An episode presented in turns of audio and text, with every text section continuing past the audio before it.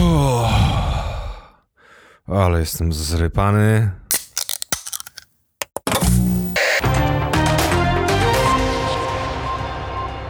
Przerywamy program, by nadać ważny komunikat. Trąby powietrzne tworzą się nad lotniskiem w Radomiu i wygląda na to, że z lotniska... Nie. Muszę ci to powiedzieć, Kasiu. Jesteś miłością mojego życia.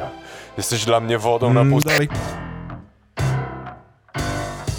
Cześć, tu Michał Kasprzyk, a to jest Do Początku, a konkretniej gościnny odcinek, w którym zaproszony podcaster opowiada o tym, jak coś się zaczęło.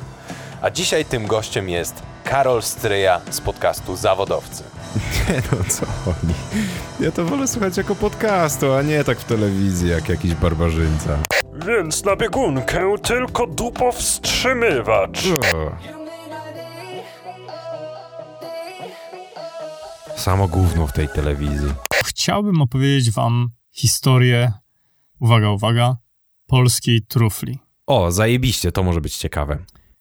Zapewne zapytacie, czym jest ta trufla? Czy aby rzeczywiście grzybem odnalezionym przez wyczuloną świnię, a może kurką w śmietanie, ogórkiem małosolnym, czy też żołnierską grochówką? Słuchajcie, cofnijmy się do lat 60. Jest to czas inwazji w Zatoce Świń, kryzysu kubańskiego, Soboru Watykańskiego II. W Dallas w zamachu ginie prezydent Stanów Zjednoczonych John F. Kennedy. Następuje rozwój popkultury, a wraz z nią powstaje paprykarz szczeciński, król polskich kanapek, król wyjazdów, król smaku, stylu, jak się na końcu ukaże tej audycji, król tradycji. E, e, nie, jednak nie. No, no co jest? Zajebiście, baterie padły. Dobra, niech będzie. Słuchajcie, wyobraźcie sobie, że paprykarz szczeciński został opracowany w połowie lat 60. przez pracowników laboratorium i tutaj uwaga, taki skrót PPDIUR Gryf. Jeżeli nie wiecie, co ono oznacza, to powiem wam, to przedsiębiorstwo połowów dalekomorskich i usług rybackich Gryf w Szczecinie. E, to zlecenie zostało zrealizowane na wyraźne polecenie szefa produkcji Wojciecha Jakackiego. Co tu dużo mówić, paprykarz wydaje mi się stał się elementem popkultury. Nie wiem, czy widzieliście, ale po sieci krąży na przykład yy, taki mem z Magdą Gessler. Gessler yy, siedząca w okularach podparta o ramię siedzi i mówi ten paprykarz śmierdzi rybami. Słuchajcie, skąd to się może wziąć dlaczego tak jest?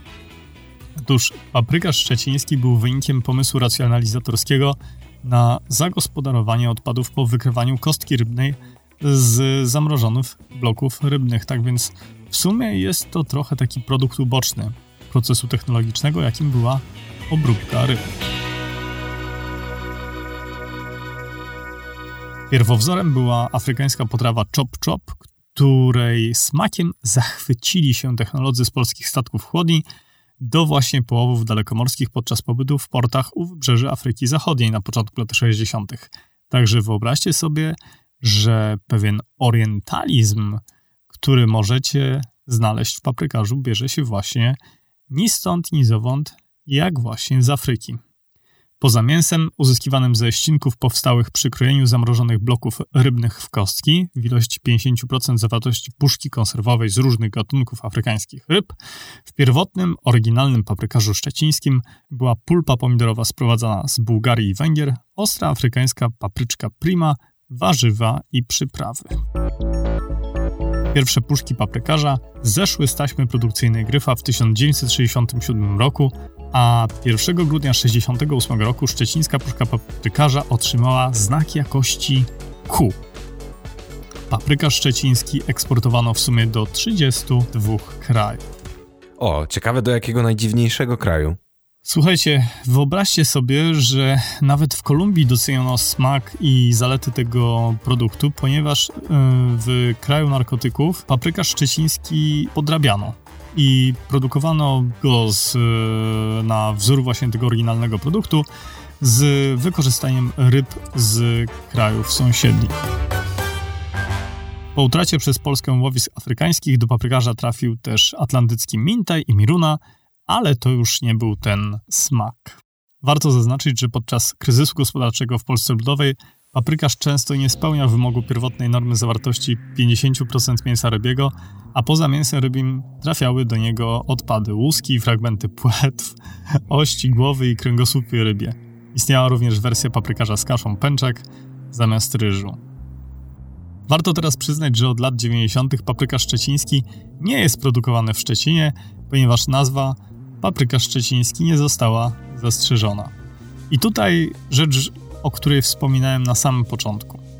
I tutaj wyobraźcie sobie, że pod koniec e, lipca 2010 roku marszałek województwa zachodniopomorskiego zwrócił się do minister rolnictwa o wpisanie paprykarza szczecińskiego na listę produktów tradycyjnych. Tym samym pojawiła się szansa na zakończenie długiej batalii o odzyskanie przez Szczecin praw do kultowej puszki. 22 grudnia właśnie 2010 roku paprykarz stał się produktem tradycyjnym.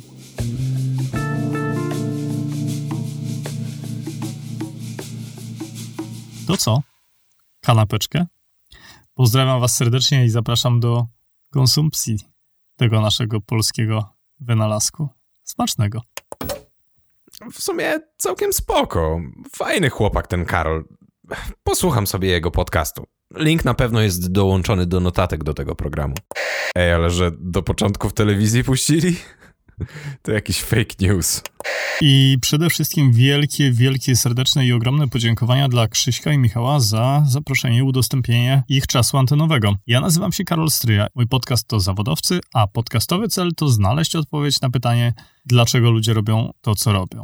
Dlatego właśnie rozmawiam z zawodowcami.